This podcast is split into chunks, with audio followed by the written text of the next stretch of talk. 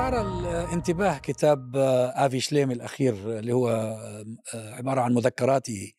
طبعا رجل بوزنه رجل معروف مؤرخ أستاذ في جامعة أكسفورد لسنوات طويلة له كتب في القضية الفلسطينية في تاريخ المنطقة معتبرة. فعندما يقول في مذكراته أنه أخيرا بإمكانه أن يجزم بالدليل القاطع أن الذي أخرج اليهود من العراق هم الصهاينة.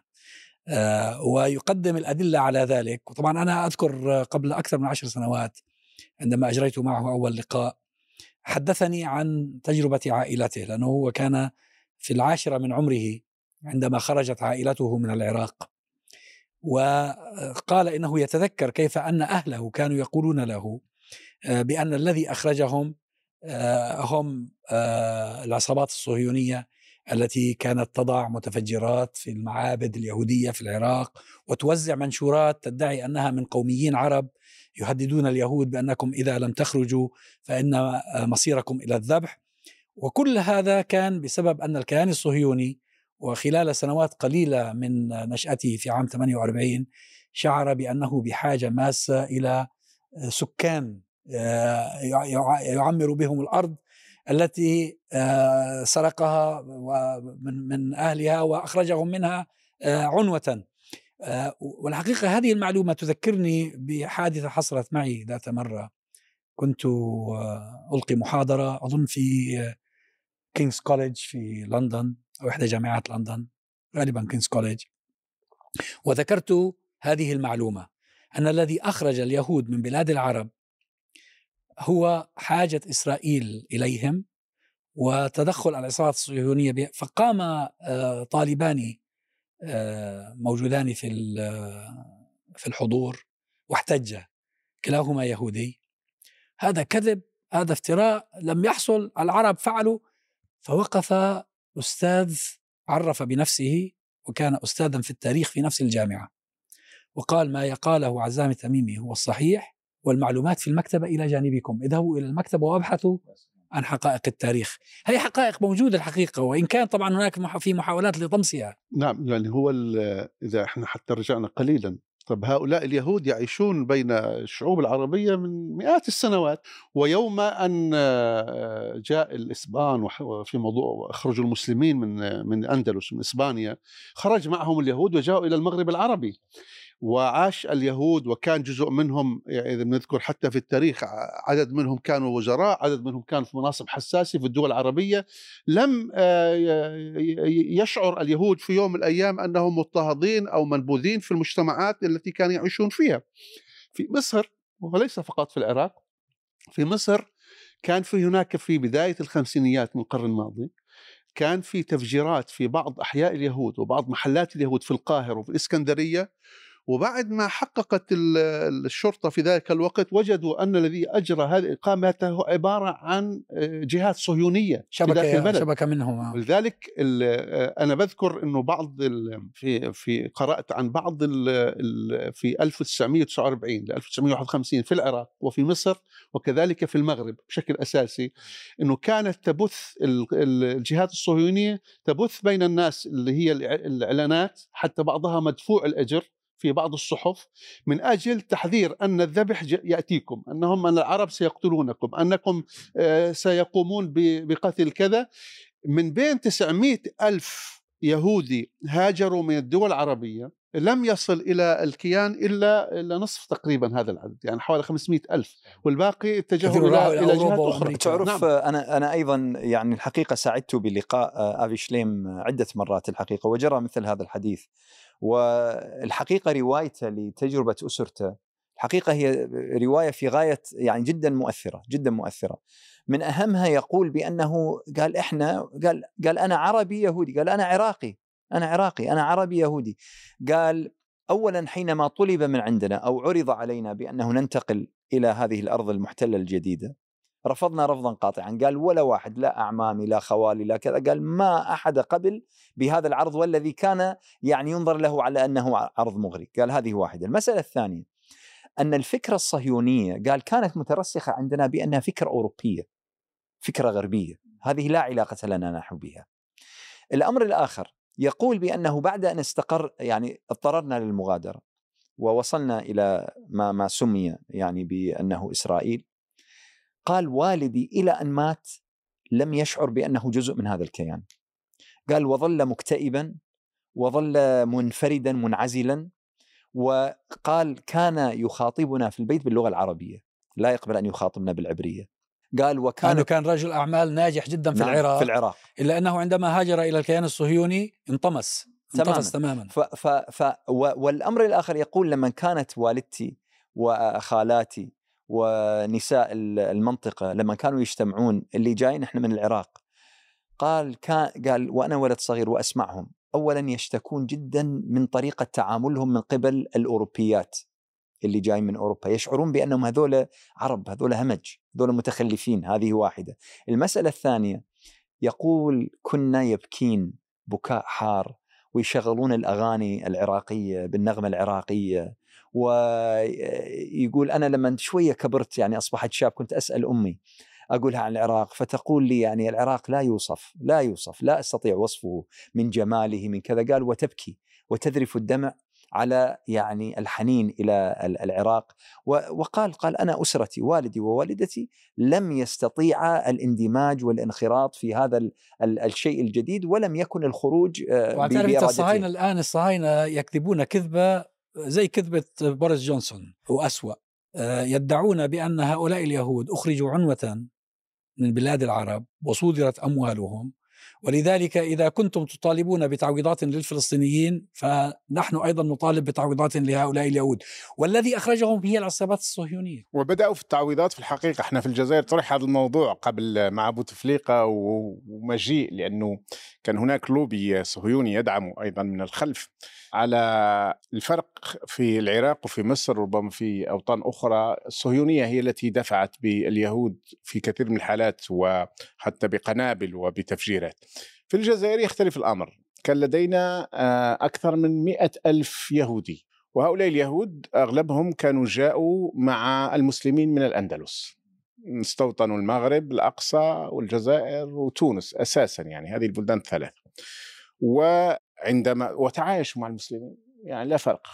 وفق كما جاء الموريسكيين كانوا يسموا كلهم الموريسكيين. فالمورس بعبارة أخرى أيضا. فتعايشوا عادي لكن لما جاء الاستعمار الفرنسي فرق ما بين المسلمين واليهود بمرسوم عرف بمرسوم كريميو حاكم فرنسي. وأصدر أن اليهود لديهم الحق في الجنسية الفرنسية داخل الجزائر اللي هي الجزائر الفرنسية. لأن من بداية من دستور 1848 يعني بعد الاحتلال ب 16 ب 18 سنة ضموا الجزائر وأصبحت تعتبر أراضي فرنسية وليست أرض محتلة. أراضي فرنسية استيطان يعني. فهنا تغير الوضع. لما جاءت الثورة الجزائرية وقف بعض اليهود مع الثورة الجزائرية وقاتلوا مع الثورة الجزائرية. صحيح كانوا هم القلة لكن كان جزء من اليهود الذي أخذته فكرة أنه فرنسي وأنه آه، والمستوطنين الفرنسيين يضخموهم في هذا وقف مع المستوطنين ومع آه، الجيش الفرنسي. لكن النهاية في 62 كانت الدعاية قوية جدا ربما وراءها الصهيونيه لا لست متأكد لكن كانت دعايه مهمة جدا أن اليهود سيذبحون إذا ما لم يرحلوا مع الفرنسيين.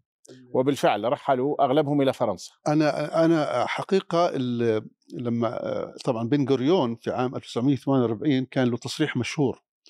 مشهور أنه يجب آه، سماها آه، كفاح الإنقاذ لليهود في العالم آه، العربي له كان مصطلح محدد بحيث انه وجه وهذا ليس سرا وجه الحركة الصهيونية العالمية إلى أن تركز على المجموعات بالذات في مثلا المغرب أكثر من 300 ألف يهودي هاجروا إلى فلسطين.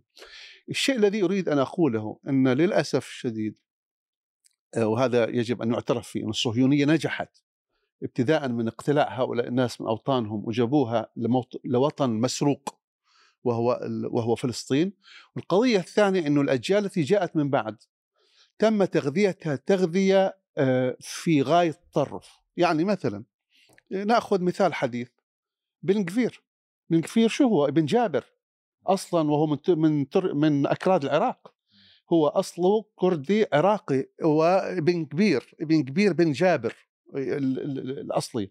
ال- شوف الحخام تاعهم الأكبر الصهيوني العباديه عباديه يعني عبادة. هي عمليا بال... اسمه عبادة بال... وأنا كنت أعرف هنا في كان واحد يصلح سيارات عراقي يهودي عراقي اسمه عبادة. فعبادية يوسف عبادية يوسف عبادة يوسف وهو كذلك من أصل عراقي. عدد كبير من الذين الآن المتطرفين الذين يمسكون في في في داخل فلسطين ومتشنجين في تطرفهم تجاه العرب هم للأسف من اليهود الذين أو من أبناء اليهود الذين هاجروا من عالم الحالة العرب الطبيعية للمخ... للم- أنا أظن أنه برضه هو هذا كان نتيجة رد فعل على العنصرية التي عوملوا بها. هم أرادوا أن يوجدوا لأنفسهم مكانا في هذا الكيان. فكان لابد أن يزاودوا على بالضبط. الأشكناز يتطرفوا على يتطرفوا على, الج- الأوروبيين على, وعلى الغربيين. فزادوا عليهم وتطرفوا. لكن طبعا هو هذه ظاهرة آه، بن غفير ومن على شاكلته. هي هذه ظاهرة مصطنعة آه، ال- اليسار الإسرائيلي هو الذي وضع بذرتها لأنه هو الذي وضع بذرة الاستيطان. فأراد للاستيطان أن يكون مدعوما بعقيدة. فاختلقوا عقيدة وزرعوها فيها ونشأوهم. لكن الحقيقة عودة إلى موضوع العراق. أنا أذكر آه، بعد غزو العراق في آه، 2003 حصلت احتفالية كبيرة الإعلام احتفى بها بترح... بإخراج بإنقاذ يهودي عراقي نقل من بغداد إلى فلسطين. كان آخر يهودي. كان آخر يهودي. فال Channel 4 والحقيقة ال Channel 4 في عندها آه، تميز في بعض وثائقياتها. أرسلت مراسلها يبحث فيما آلت إليه أموره. وكان لديهم طبعا footage آه، مادة مصورة آه، من حياته في العراق والاحتفالية التي حصلت آه، عندما أخرج. ذهب وتقفى أثره فوجده يسكن في شقة وحيدا في حالة من الاكتئاب الشديد. يقول له ماذا فعلوا بي؟ جاءوا بي ورموني هنا. أنا أريد أن أعود إلى أهلي. أهلي أنا في العراق. يكاد يبكي الرجل. أخذه مراسل Channel 4 إلى آه، بلدة عربية حيفا يافا حجم وجلسوا في مقهى. والمقهى تتردد فيه أنغام الموسيقى العربية والناس يتحدثون العربية. صار يقول هذول أهلي هذول أهلي. صور يعني هؤلاء اليهود كما ذكرت أبو أنس عاشوا مئات السنين في منطقتنا آه، مرحبا بهم آه، يتوفر تتوفر لهم الحماية لأنهم في ديننا أهل كتاب وأهل ذمة وذمتهم آه، مضمونة. الصهيونية آه، جاءت وأخرجتهم وليس هذا فقط الصهيونية هي السبب في كثير من الخطاب آه، الموجود حاليا حول العداوة بين المسلمين واليهود. يعني إضافة لما تفضلت به يعني أنا لما حضرت المقابلة اللي أجريتها واحدة من الخواطر اللي جاتي إنه دائما لما تنظر في التغطية بتاعت الإعلام الغربي وحتى حديث الساسة الغربيين تجاه المنطقة الأشياء اللي بيرموا بها الدول العربية والدول الإسلامية من من من اتهامات أو آه، من أقاويل يعني إنه آه، مسألة التنوع وإنه الإسلام لا يقبل التنوع وإنه اوطاننا طاردة وإنها عنصرية وإنها في تمييز وأهل الذمة. و- لكن لما تنظر في هذه الذكريات الموثقة الآن و... والتجارب يعني عاشوا مئات السنوات في هذه المنطقة معززين مكرمين. ومميزين. ومميزين وشركاء في الحكم في الفكر في, في الاقتصاد في وغيره. المأساة إنه حتى شعوبنا هي اشترت البضاعة الإعلامية هذه وآمنت بها. المأساة الأخرى إنه بعض شعوبنا بسبب ال- الموجات ال- القومية واليسارية صارت شركاء في هذه الجريمة. لأنه هو لو تذكر في كلامه ذكر إنه كان في قانونين تم إجازتهم، القانون الأول إنه من يريد أن يخرج من العراق له أن يخرج ويت و و وبمجرد خروجه تسقط جنسيته، ما دي ده قانون وضع بأيدي حاكم وقتها. ف فنفسه أنا بقودني لسؤال آخر، مدى مسؤولية النخب القومية واليسارية العربية عن ما حدث؟ لا بس هذا ال- هذا النموذج اللي أنت ضربته الآن كان في تعاون مباشر بين الحركة الصهيونية وحكام في العراق ضغط ضغط هم عليهم طلبوا من حكام طبعاً. العراق أن هذا- يفعلوا ذلك الشرط أرادوا أن يضمنوا إخراج اليهود نعم وكان فيه أيضا كان فيه خطاب تتذكرون جيدا قبل آه، ما يسمى بالنكسة اللي هي هزيمة كارثية لجيوش 67 آه، جيوش الاس- الاستبداد وهي نكبة. 67 نعم. كانوا يتحدثون ماذا نفعل باليهود عندما ندخل تل أبيب؟ هل جوع يا سمك. آه نعم. بتجوع يا سمك. كان ال- كان إعلام أحمد سعيد في صوت العرب إنه ك- دائما يبدأ خطابه بالتجوع يا سمك. قال يعني بده يلقي ال- نعم ال- ويلقي اليهود إلى السماء. إلى البحر. لكن لما يلطف ويقول لك والله ممكن يكونوا إنسانيين ونعيدهم من حيث أتوا، في الحقيقة القومية العنصرية سواء باسم البعث أو باسم الناصرية لعبت دور في خدمة الصهيونية، سواء كانت تشعر أو لا تشعر، سواء في الخطاب. أنا أنا بذكر هنا دكتور أستاذ أثناء ال- ال- بحثي في موضوع ال ال اليهود في العالم العربي قرأت قصة طريفة جدا إنه آه، على قصة الممتلكات. الملك اليمني في الأربعينيات من القرن الماضي لما صار في دعاية صهيونية لخروج اليهود من اليمن فاشترط عليهم شرطا للخروج. وتعرفون ما هو الشرط؟ الشرط إنه قبل أن تخرج يجب أن تبيع أملاكك وتأخذ معاها الفلوس تاعتك. عشان ما تطلع هناك تقول يقول إنه أخذوا فلوسي أخذوا والى. اخره يعني هذه عجيبة من العجائب إنه أنت ما دام أنت اقتنعت بالكلامهم وتريد أن تخرج قبل لا تخرج بيع وخذ صفي فلوسك صفي أمورك صفي حسابك خذ فلوسك لكن اليوم على قضية- اليوم ال- ال- على قضية العصابات الصهيونية ترى آه، Rabbi ديفيد فايس يتكلم على نفس الأمر الذي جرى في نيويورك يعني آه، هجمات بال بال بالكوكتيل هذا ال- إيش اسمه؟ مولوتوف. المولوتوف واعتداء على الناس بالضرب وكذا في أحياء آه، نيويورك اللي فيها اليهود لأجل إخافتهم لأنه ال- الحاخامات والقيادات الدينية اليهودية رفضت الفكرة الصهيونية تماما واعتبرت أن الذي يقوم عليه من من أمثال هرتزل وغيره هذول كفرة هذول ملحدين هذول ما لهم علاقة باليهود بل يريدون إضاعة اليهود وحرفهم عن دينهم.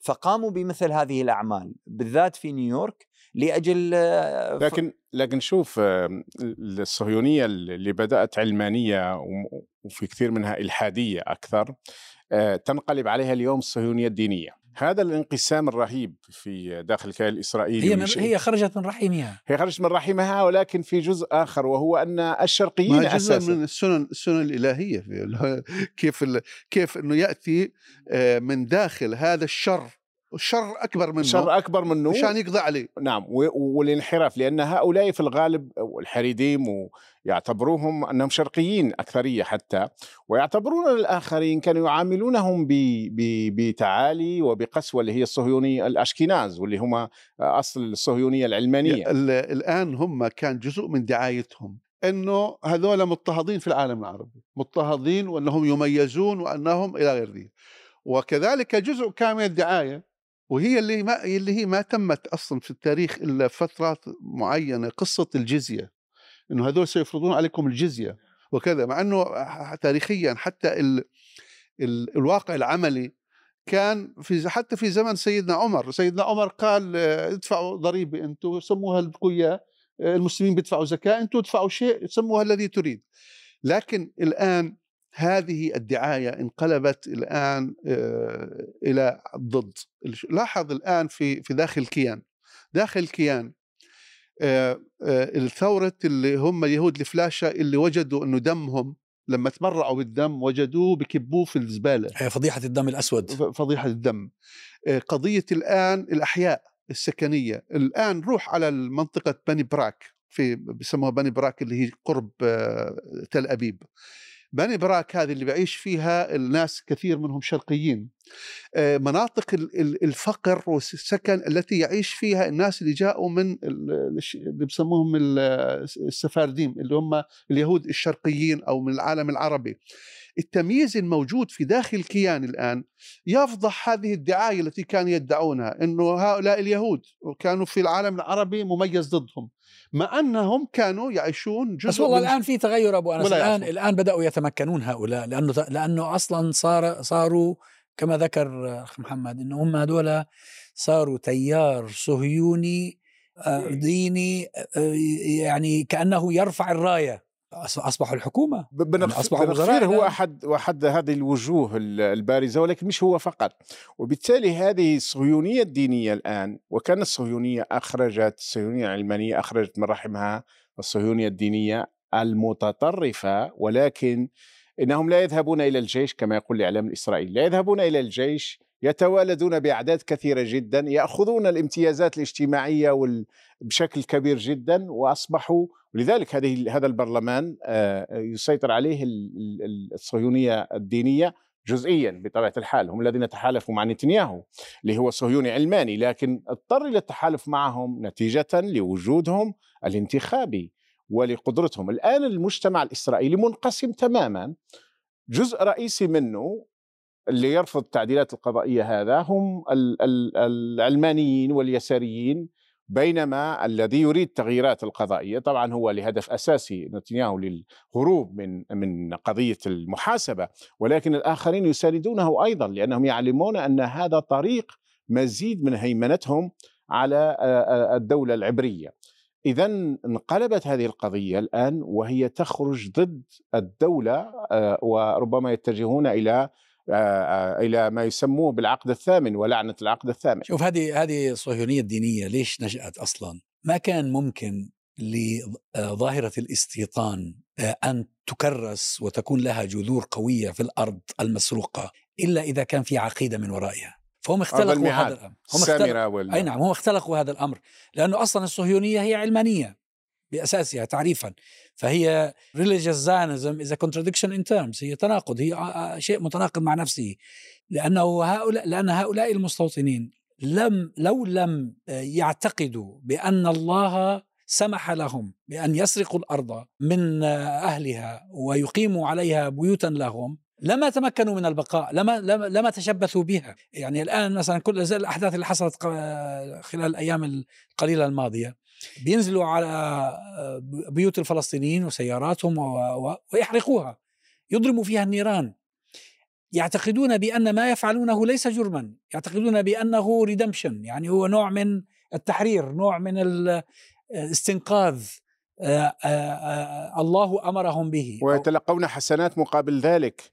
بالمناسبة على ذكر الصهيونية وتناقضاتها بن غوريون ينسب له مؤسس طبعا هذا الكيان ينسب له مقولة يقول لنا أنه لا يؤمن بالرب لكن إذا كان هذا الرب يعطيه أرض فهذا أمر جميل يعني فهذا ال- جميل. وهذه هي اللي تلخص ال- الصهيونية اللي هي طبعا الصهيونية معروف إن هي حركة سياسية آه، كانت رد على ال- الذين لا يؤمنون بقصة آه، الأرض آه، إسرائيل أو بين قوسين. ولذلك الصهاينة جاءوا وحاولوا طبعا هم يستغلوا الدين من أجل آه، من أجل كما تفضلت من أجل إنه هم يهجروا أكبر عدد ممكن آه. من اليهود الآن في داخل الكيان أنا أعتقد أن هذا الكيان من خلال الآن الأحداث الأخيرة هو يتجه للاصطدام الداخلي يعني آه، إذا كان آه، إحنا للأسف مع العالم العربي وبالذات الأنظمة الآن آه، هي تخلت عن القضية الفلسطينية وجزء منها كذلك السلطة الفلسطينية أصبحت جزء من هذا الكيان. لكن واضح إنه هو يتجه للاصطدام. يعني كان المؤسسين الكبار في هذا الكيان اللي هم آباء المشروع الصهيوني كان في عندهم و- وطبعا مش عيب إنك أنت تقول عن عدوك إنه في حكمة. الرسول صلى الله عليه وسلم قال عن واحد يهودي موفق. أحد ال... فليس عيبا إنه كان عندهم الحكمه بأنهم يجمعوا شتات هذا المجتمع ويحاولوا إنهم يسيروا فيه ب... ب... ب... بطريقة اللي يبقى متماسك. الآن فقد آباء هذا المشروع، فقد الناس الحكماء ووجد زي ما حكينا عن الحكام في أوروبا مجموعة آه، أولاد ومجموعة كذابين يعني لما كنا نحكي عن عن آه، جونسون إنه كذاب وعن وعن ترامب كذاب هو آه، آه، نتنياهو أقل كذبا ما هو بسموه مستر كذاب. يعني حتى في كيان في الكيان الصهيوني السيد الكذاب من كثر ما هو آه، يكذب ويكذب من أجل إنه يعمل آه، مصالحه الشخصية ومصالحه ومصالح زوجته وإلى غير ذلك.